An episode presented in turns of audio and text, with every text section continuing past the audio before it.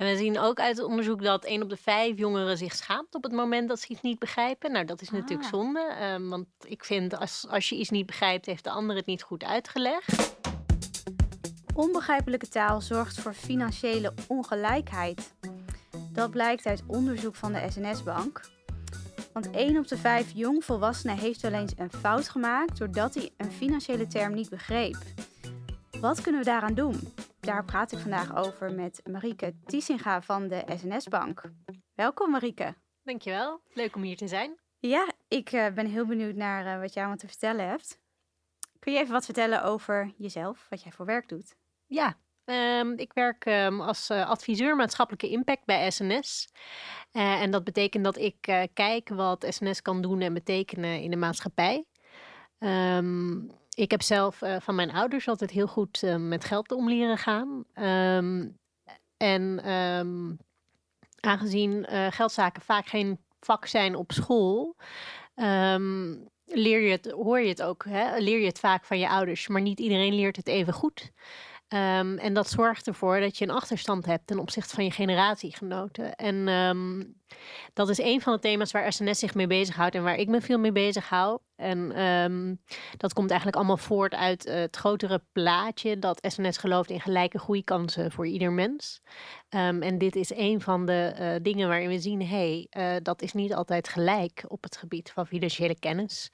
Ehm, dus ik kijk, ja, ik doe een ander onderzoek en ik kijk, goh, wat kunnen wij voor rol daar nou in pakken? Ja, en over onderzoek gesproken. dat is ook hoe ik jou ook op het spoor kwam. Eh, omdat ik een onderzoek las eh, dat jullie hadden laten doen.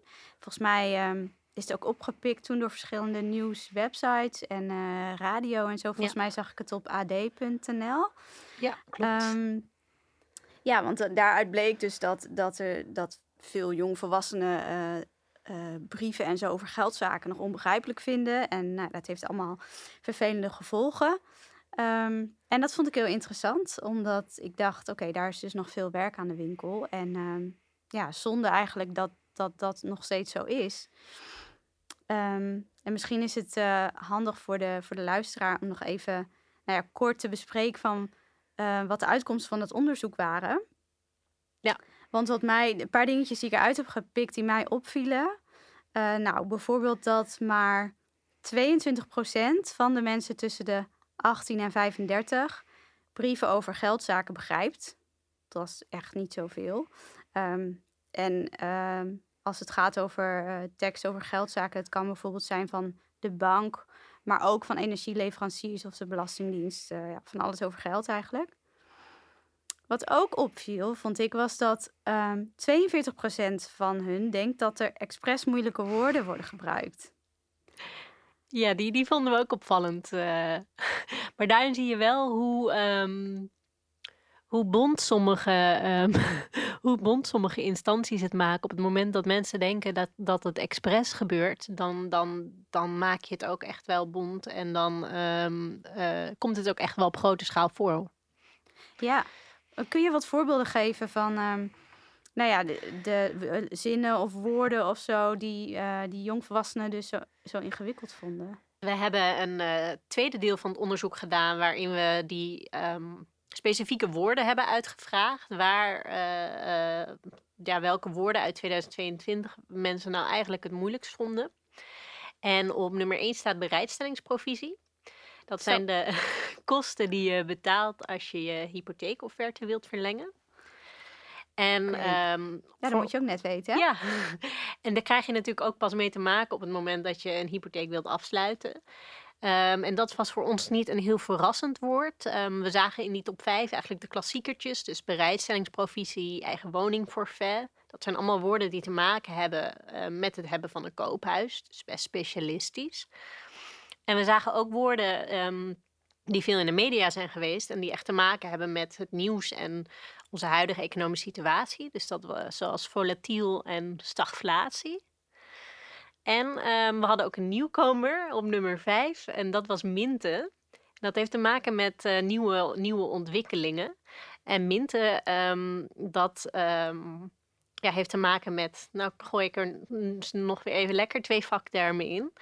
Uh, Mint heeft te maken met NFT's. Dat zijn digitale, unieke digitale bestanden. En die worden vaak gebruikt voor uh, digitale kunstwerken. En dat is natuurlijk een hele redelijk nieuwe ontwikkeling. En uh, door te minten maak je die NFT onderdeel van. Nou, daar komt hier nog zo'n vakterm blockchain. Van de blockchain, een centrale database. Oké, dat zijn echt een heleboel ingewikkelde termen, ja, waar ik er volgens mij misschien één van kende. Maar dat is helemaal niet handig om, om dat soort termen in, in ieder geval zonder uitleg in een brief te schrijven. Ja, zeker zonder uitleg. Want um, we hebben natuurlijk ook bij SNS gekeken van moeten we dan andere woorden gaan gebruiken. Maar als je als enige instelling ineens een heel ander woord verzint voor bepaalde elementen van een hypotheek. Um, dan maak je het eigenlijk alleen maar verwarrender. Um, dus ik denk dat het heel belangrijk is om te kijken, is het echt nodig nu om dit woord te gebruiken? En soms is dat gewoon echt nodig, maar dan meteen een heldere uitleg erachteraan. Ja, ja en ik, ik wil sowieso graag met je hebben over wat kunnen we hier nou aan doen? En uh, ja, wie, wie, moet er allemaal, wie moet er allemaal iets aan doen? Maar waar ik ook nog wel benieuwd naar ben, is waarom hebben jullie dit onderzoek gedaan? Kregen jullie te horen van mensen dat, dat teksten te ingewikkeld waren? Nee, wij krijgen dat um, niet te horen. Um, sowieso weten we uit ons onderzoek dat um, heel veel mensen op het moment dat ze een uh, brief niet begrijpen, niet teruggaan naar de afzender. Zegt 12% van de mensen doet dat. Dus we weten nu ook achteraf dat, dat veel instanties het ook niet te horen krijgen. Nee, het kwam echt bij ons voort uit dat wij vinden dat iedereen gelijke toegang moet hebben tot financiële kennis. Hè? Dat, dat, dat je die achterstanden ja, niet, niet wilt, iedereen diezelfde kans wilt geven. En zo werden we eigenlijk getriggerd door, hé, hey, maar speelt taal daar misschien nog een rol in? En maakt dat het nou erger of slechter? Taal is een middel waarmee, helaas, blijkt uit ons onderzoek, um, je het soms erger maakt. Maar je zou taal ook kunnen gebruiken als een middel om het juist mensen um, juist uh, te faciliteren en te helpen. Um. Dus uh, ja, kan ik ervan uitgaan dat je deze deze uitkomst ook al verwacht had? Um, het is natuurlijk niet nieuw. Uh, er wordt uh, dat, dat er wel eens uh, dat, dat, dat, ja, er wordt wel eens geklaagd over brieven van instanties en moeilijke financiële termen. Veel mensen hebben er moeite mee. Dat is niet verrassend. Wat ik wel verrassend vond, was de grote schaal. Dat echt slechts 22% van die jonge mensen um, alles begrijpt van de brieven die ze krijgen. En ook de, de gevolgen die daaraan vastzitten. Dat één op de vijf wel eens een fout maakt, omdat ze zo'n financiële term niet begrijpen. Dus de schaal waarop mensen het niet begrijpen en de serieusheid, de gevolgen daarvan, dat is wat het voor mij wel verrassend maakt. En wat zijn andere gevolgen? Je noemt er al eentje. Maar waarom, ja, waarom is het eigenlijk erg als mensen financiële teksten niet begrijpen? Ja, nou, we hebben dus specifiek die, um, de doelgroep 18 tot 35 jaar uitgevraagd. Natuurlijk is dit een, een probleem dat voor alle leeftijden kan gelden en waarschijnlijk ook wel doet. Um, maar juist die uh, jongere doelgroep die heeft al best wel veel uitdagingen. Het, uh, denk bijvoorbeeld aan het kopen van een huis, hè, wat voor een starter lastig is. Um, onzekerheden over pensioen, flexcontracten. Um, en daarnaast is het een uh, leeftijdsgroep waarbij je um, veel financiële beslissingen moet nemen tussen 18 en 35 jaar. Sowieso op het moment dat je 18 wordt, dan uh, ben je ineens uh, financieel verantwoordelijk. Dan kun je ook schulden maken. Dat, um, dat soort dingen. Je, je, moet, je moet verzekeringen aangaan. En um, het is ook een fase waarin je die beslissingen vaak voor het eerst in je leven neemt. Dus je kunt niet terugvallen op ervaring. En juist dan is uh, goede voorlichting heel belangrijk. En wat, um, wat, wat, ja, wat is daar dan weer het, het gevolg van dat sommige mensen niet goed voorgelicht zijn en anderen wel? Want dan heb je het over die ongelijkheid, toch? Ja, nou, een voorbeeld daarvan is bijvoorbeeld dat wij zien dat uh, jonge mensen um, soms makkelijk leningen aangaan en ook niet altijd weten dat het een lening is. Dus op het moment dat je een uh, wat duurdere telefoon koopt en daar elke um, een abonnement hebt waar je elke maand een stukje telefoon afbetaalt, dan uh, is dat een lening en wordt dat vanaf een bepaald bedrag ook geregistreerd bij het BKR. En dat kan bijvoorbeeld weer gevolgen hebben op het moment dat je andere leningen aan wilt gaan, zoals een hypotheek. Ja, um, ja. En dus dat kan door dat soort dingen net niet te weten, um, ja, kan dat um, zorgen dat, dat je er nog minder kans op maakt. het is tijd voor de taaldilemma's. Ik heb een aantal dilemma's voor jou. En eh, je mag niet te lang nadenken, want zo werkt het. Komen ze. Je mag alleen praten op maandagen. Of je mag op alle dagen praten, maar dan alleen in het Swahili. Nou, dan het liefst alleen op maandag. Maar wel lekker in Nederlands.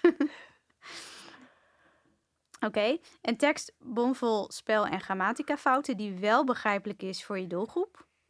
Of een tekst zonder enkele fout die heel moeilijk is. Ja, dan moet ik toch echt voor de begrijpelijke tekst gaan. Ja. Alles wat je zegt moet rijmen. Of je mag alleen zinnen maken van vier woorden. Rijmen lijkt me hartstikke leuk. Ik weet niet of je het altijd volhoudt, maar. eh, Oké, jij gaat rijmen vanaf nu. nooit meer schreeuwen of nooit meer fluisteren. Nooit meer schreeuwen. Vind ik sowieso niet nodig. Een extreem ouderwetse tekst of een extreem simpele tekst. Oeh. En ehm, dan toch een extreem simpele tekst. Oké. Aanvullende financiële middelen of extra geld. Extra geld. Tevens of ook. Ook. Budget of geld. Of wat je maximaal kunt uitgeven. Dat laatste, wat je maximaal kunt uitgeven. Reeds of al. Al. Incasso of afschrijving. Afschrijving. Investeren of ergens geld aan ge- uitgeven met de bedoeling dat het later meer oplevert. Poeh, investeren. Maar of echter. Maar Dat waren ze. Hé, hey, dat investeren, hè? Waarom zou jij dat kiezen in plaats van dat je uitlegt wat het is? Nou, ik zat te dubben tussen een vakterm of een hele lange zin. Ja, Ik vond dat laatste wel een, een, een, lange zin. Ehm, dat is eigenlijk geen synoniem meer, dat is meteen een zin. ja, Ja, maar zou jij in zo'n brief naar 18 tot 35-jarigen investeren schrijven? nee, dat, eh, dat, dat, zou niet nee, dat slaat niet aan bij de doel, sluit niet aan bij de doelgroep. Hoe zou je dat dan oplossen? Ehm, ja, het hangt een beetje vanaf waar de brief over gaat. Ehm, dus gaat het bijvoorbeeld over studeren of gaat het over ehm, beleggen? Dan, zou ik het, dan zou ik het hebben over. Ehm, voor mij is dat het een, een, een stapsgewijs. Dus de, het eerste is altijd: heb je geld achter de hand voor, ehm, voor tegenslagen? Dan kun je voorbeelden noemen. Hè? Wat als je, eh, als je laptop kapot gaat of ehm, nou, dat soort dingen. En het tweede is, dan zou ik het noemen geld voor later. Ben je al bezig met geld voor later? En, ja, en hoe zorg je dat je dat, dat op kunt bouwen? En dat is het stukje investeren. Ja, en dat daar dan verschillende manieren voor zijn. Ja, Sparen of beleggen. Ja. maar ik zou het ehm, stapsgewijs opbouwen in de zin van: eerst heb je geld voor nu. Ben je bezig met geld voor later? En op het moment dat mensen ook geïnteresseerd zijn in geld voor later, dan kun je het gaan hebben over hoe je zorgt dat je dit geld voor later krijgt. Mhm. En kun je het dan ook eventueel gaan hebben over investeren? Dat woord? Of zou je dat sowieso vermijden? Ehm, ik, ik, ik zou het woord investeren sowieso niet zo snel gebruiken. Ik zou inderdaad de, gewoon de vormen gaan benoemen. Dus gewoon meteen concreet van wat kun je doen. Je kunt bijvoorbeeld gaan sparen of je kunt bijvoorbeeld gaan beleggen. Nou, beleggen zijn dan verschillende opties. Ja, Ja, lekker duidelijk. Ja. En het zit hem dan denk ik in twee dingen toch? Want aan de ene kant is het belangrijk dat jonge mensen goede voorlichting krijgen over geld. Maar aan de andere kant, of, of als tweede, moet die voorlichting ook begrijpelijk zijn. ja het gaat inderdaad um, één. Er is voorlichting nodig. Ja. Ehm, en daar maken, eh, maken heel veel instanties zich hard voor. Eh, wij, wij bieden zelf ook ehm, lesprogramma's aan op scholen. Maar het gaat inderdaad dus niet alleen om dat je het brengt, maar ook hoe je het brengt. Ja, ja precies. En ja, je zei dat veel jongvolwassenen dan, als ze iets niet begrijpen, dat ze dan wel hulp zoeken, maar dan, dan kijken ze online en gaan ze googlen wat iets betekent of gaan ze naar familie of vrienden. Ehm, Maar ja, waarom gaan ze dan niet uh, naar de bank? Waarom bellen ze dan niet van, joh, ik snap die brief niet? Ja. ja, we zien ook uit het onderzoek dat één op de vijf jongeren zich schaamt op het moment dat ze iets niet begrijpen. Nou, dat is natuurlijk Ah. zonde, um, want ik vind als, als je iets niet begrijpt, heeft de ander het niet goed uitgelegd. Um, en ik denk dat er ook nog wel een, een drempel kan zijn. Google is natuurlijk makkelijker. Sowieso zijn onze jonge, jongeren heel erg autonoom. Um, dus, uh, maar ik denk dat het wel belangrijk is um, dat mensen teruggaan naar de afzender op het moment dat ze iets niet begrijpen. Eén, um, om het signaal af te geven aan de afzender. Um, want anders weet een instantie ook niet dat hun communicatie niet duidelijk is. Dus zelf hebben wij bij SNS een e-mailadres aangemaakt. Dat dit begrijp ik niet, sns.nl. Waar we ook echt heel graag feedback op willen op het moment dat mensen iets niet begrijpen van onze communicatie. Dat we ook weten dat dat het is. Maar in de ideale wereld uh, hoeven ze eigenlijk geen hulp te zoeken. Maar zijn die brieven zo duidelijk dat je nou ja, zo min mogelijk in ieder geval terug hoeft te krijgen van mensen, toch? In de ideale wereld wel. En nou, nou, nou denk ik wel um, dat, dat er altijd vragen zullen blijven over, over, over financiële brieven en financiële termen. En um, dat hoeft ook niet erg te zijn. Dus wij, wij uh, hebben bijvoorbeeld een jongerenbord. En elke twee maanden spreken we met een aantal jongeren over een onderwerp geld gerelateerd vaak. Of iets, iets hè, wat hen bezighoudt. En daar hebben we het ook gehad over dit onderwerp. En ik bijvoorbeeld als voorbeeld... Um, een meisje had een brief van uh, de duo. En dat, nou, de, de, de, de verstrekker van haar studielening. En um, in die brief stond, um, nou, de rente op jouw lening gaat omhoog van 0% naar 1,5%. En zij gaf dat als voorbeeld van een brief waar ze moeite mee had. Want ze had zoiets van, bij mij belandt dat uh, ergens in een la, want het zegt mij niks. Ik, ik denk het zal wel. Dus zij wil heel graag dat meteen de vertaalslag gemaakt wordt naar haar persoonlijke situatie. Dus wat betekent het voor mij? Dus hoeveel moet ik per maand meer betalen eigenlijk op, Ja. op, op, op die lening? Dat is concreet. Um, dus um, ook, ook als je heel duidelijk bent, dat, dat is één. Uh, maar ik merk ook heel erg die behoefte um, van jonge mensen voor die vertaalslag naar, oké, okay, en wat betekent het nou voor mij? En mijn persoonlijke situatie. En soms is het dan juist heel fijn als iemand wel teruggaat naar de instantie. Want dan kun je dat gesprek aangaan. Want er is soms veel meer nog over die persoonlijke situatie um, te zeggen en te vertellen. Um, en en dat, ja, dat gaat natuurlijk het beste als je over en weer met elkaar praat. Maar ja, dat kan tot op zekere hoogte toch? Dat je je communicatie wat meer persoonlijk maakt. Want je kan niet voor misschien wel miljoenen mensen een heel persoonlijke brief maken. Ja, en dat, um, er zijn natuurlijk wel ideeën voor. Je zou bijvoorbeeld een, um, een wat, wat algemene brief kunnen maken. En dan dat je bijvoorbeeld achter de. Heel veel instanties hebben wel een, een persoonlijke inlogomgeving per, per klant. Um, dat je bijvoorbeeld doorverwijst naar oké, en dan staat er in jouw persoonlijke inlogomgeving een, een tool klaar waarmee je het voor jouw persoonlijke situatie kan bekijken. Of puur wat meer voorbeelden en scenario's waarmee je mensen helpt om dan vervolgens de berekening of de vertaling naar hun eigen situatie te maken. Um, dus dat, dat zou natuurlijk wel kunnen. Um, ja, en zelf bij SNS geloven we wel heel erg in het gesprek. Dus wij vinden het alleen maar fijn als, als mensen bij ons binnenstappen. Wij, wij noemen onze kantoren winkels. Um, wij vinden het alleen maar fijn als mensen daar binnenstappen met vragen. Ja, dan kunnen jullie ook weer van leren. Kunnen wij ook weer van en leren. verbeteren. Ja, ja, en het liefst. Um, het liefst, um, want dat horen we ook van die jongeren die zeggen dan ja, maar ik heb geen geld.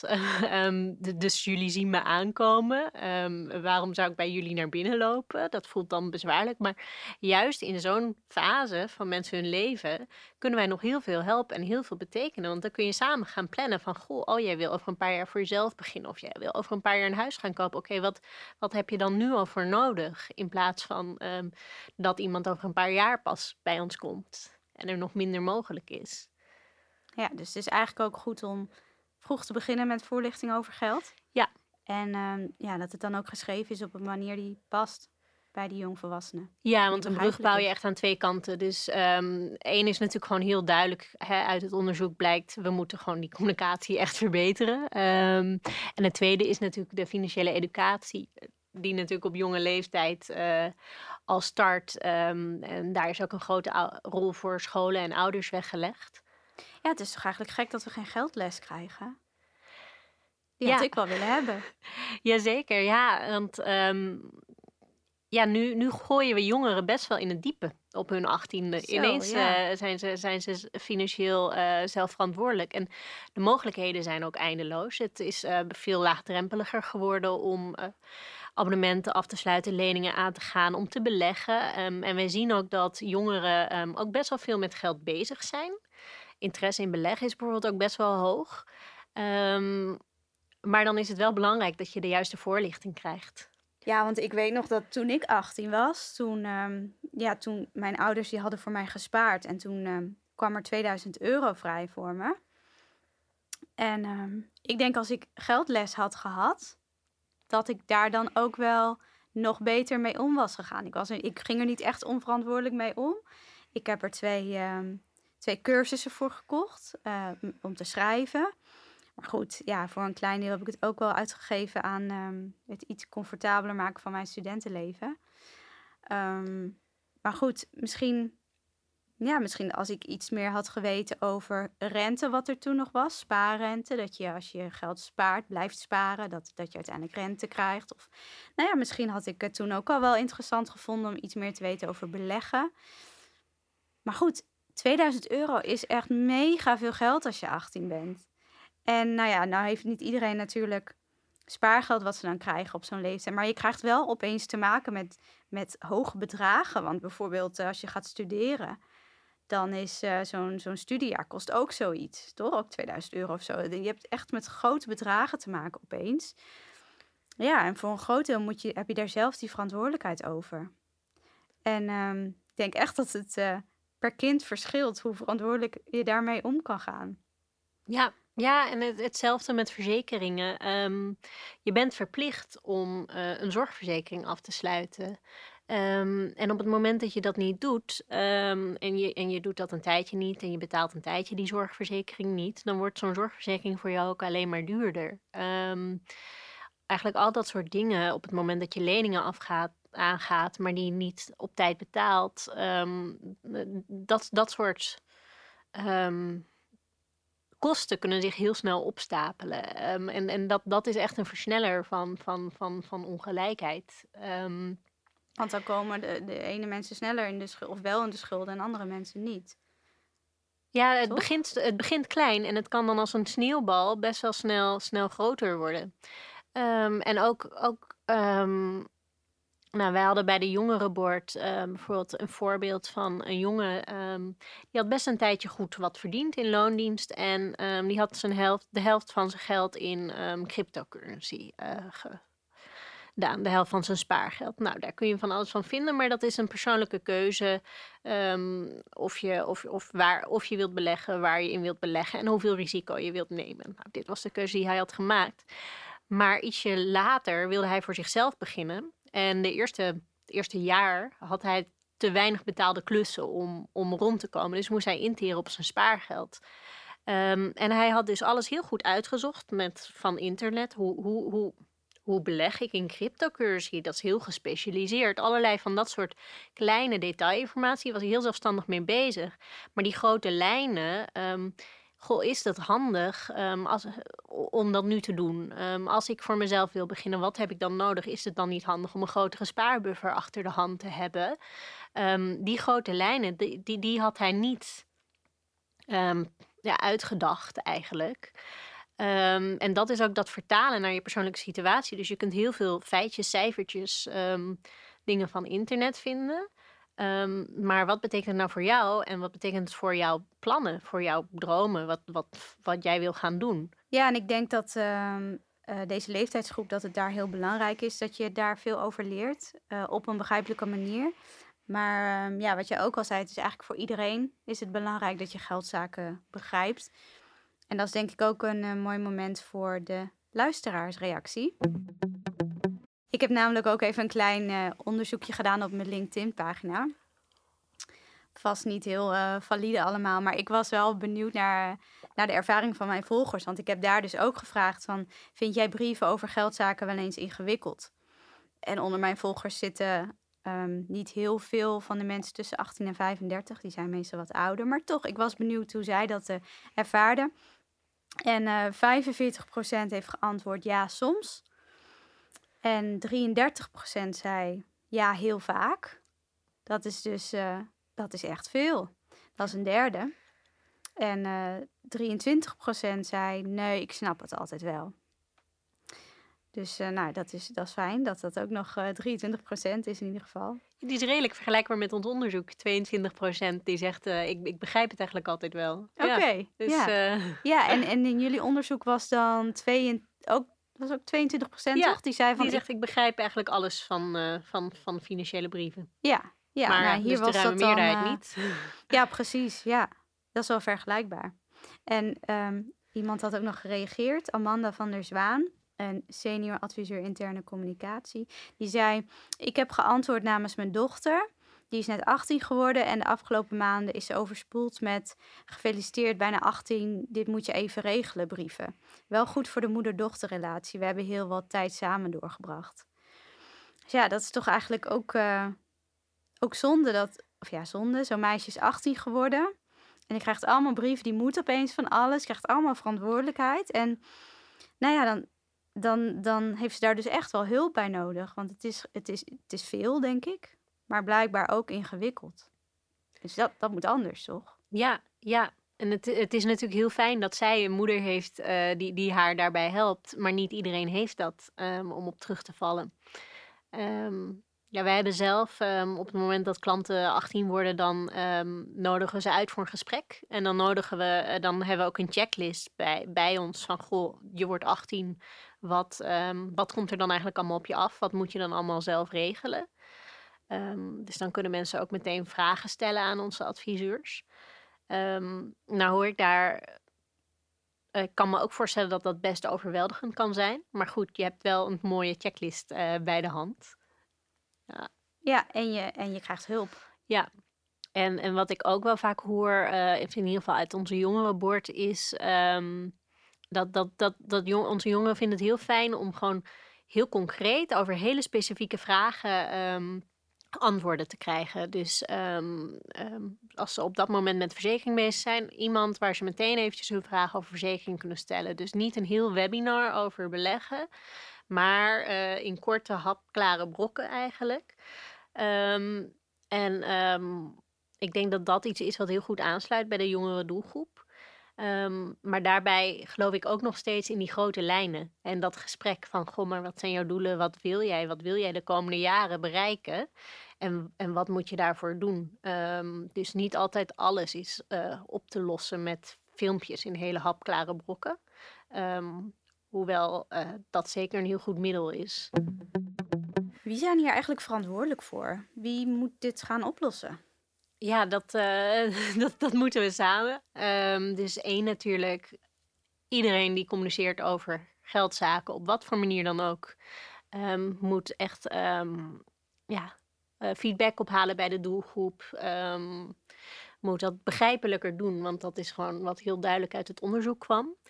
Um, en, en daarvoor zit natuurlijk het stukje van financiële educatie, waarin scholen en ouders een rol hebben. En um, ik snap natuurlijk ook dat een school um, niet altijd alles in, maar in het onderwijscurriculum kan opnemen. Er zijn natuurlijk heel veel uh, vakken waarvan we zeggen: hey, dat, dat zou nuttig zijn om, om dat in je leven te hebben. Ik geloof zelf wel dat het een vak op school zou moeten zijn.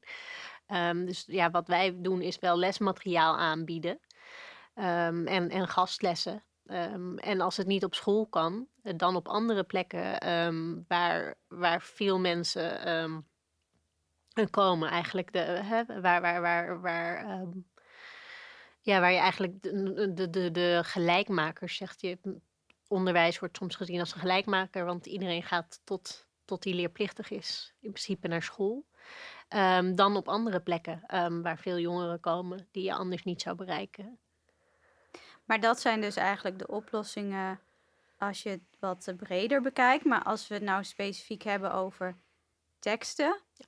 Wat kun je daar dan anders in doen om het begrijpelijker te maken? Ja, nou wij, wij hebben in het onderzoek ook opgevraagd van, goh, wat, wat zou je daar nou in helpen? Nou, de eerste dingen waren minder vaktermen of meteen beter uitleggen, minder lange zinnen. Um, nou, en ook, um, we kregen ook als tip, ja, niet iedereen leest uh, even fijn. Dus uh, soms is het fijn om het te ondersteunen met, uh, met filmpjes of visueel of audiomateriaal.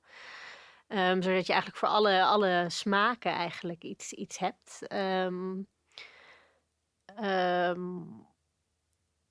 dus, dus dat en, en het helpen verta- vertalen naar de persoonlijke situatie. En dat, dat soms, soms kun je dat doen, ehm, meteen voor iemand persoonlijk. Ehm, soms zal dat meer zitten in, in het specifieke voorbeelden gebruiken. Doen jullie dat als eh, SNS-bank ook al? Of gaat het bij jullie, ja, gaat het bij jullie ook nog niet altijd goed? Nee, wij, zijn zeker nog niet perfect. Ehm wij hebben wel redacteuren in huis die ook ja, ja, gespecialiseerd zijn in begrijpelijke taal. Ehm, maar wij blijven die feedback opvragen, want wij krijgen het ook wel eens terug. ehm, of we testen een brief. ehm hey, en dat, het kan altijd beter. En het kan altijd beter aansluiten bij de doelgroep. En gaan jullie over een tijdje nog een keer dit onderzoek doen? Om te kijken of, ze, of het al verbeterd is? Ja, de- we hebben nu nog geen concrete plannen eh, wanneer we dit, dit onderzoek gaan herhalen. Ik denk dat, dat, dat het wel interessant is om over een tijdje te doen, maar dit is niet een probleem dat je zo in een jaar hebt opgelost. Ik verwacht niet dat, eh, dat je dan enorm eh, andere cijfers terug gaat zien. Ehm, dus waar we ons nu vooral berichten is, ehm, ook samen met andere partijen, sectorbreed, ehm, om, om dit aan te pakken en initiatieven. En dan hoop ik wel dat als we dit onderzoek over een paar jaar weer doen, dat je dan wel echt verschillen gaat zien. Dat is natuurlijk wel eh, het doel. Ja, en dat, dat onze kleine kindjes, als die groot zijn, dat die dan alleen maar begrijpelijke brieven lezen over geldzaken. Ja, ja. Dat zou mooi zijn. ja, en zelfs misschien die brieven ook nog wel een beetje leuk en interessant gaan vinden. Dat, Ja. eh, dat, is, dat is mijn volgende droom. Ja, Niet alleen begrijpelijk. ja, zodat geld. Ja, en ik denk ook dat als je geldzaken leuk vindt, dat je het dan ook beter begrijpt, dat je je er meer in interesseert. En dan, nou, ja, dan is het misschien ook makkelijker om te lezen. Ja, dat denk ik ook. Ik wil je bedanken voor je, voor je komst in de podcast. Ik vond Ja. het super interessant. Ja, jij bedankt. Leuk, eh, leuk om eh, hier te zijn. Werk jij in de communicatie en wil je begrijpelijke taal ook onderdeel maken van jullie strategie? Dan eh, begeleid ik je graag in mijn halfjaarprogramma. Als het je interessant lijkt, plan dan even een gratis gesprek via vet-simpel.nl en dan laat ik je weten welke mogelijkheden ik allemaal voor je zie. Vergeet je ook niet om eh, je te abonneren op deze podcast of om op volgen te klikken. En succes met schrijven vandaag!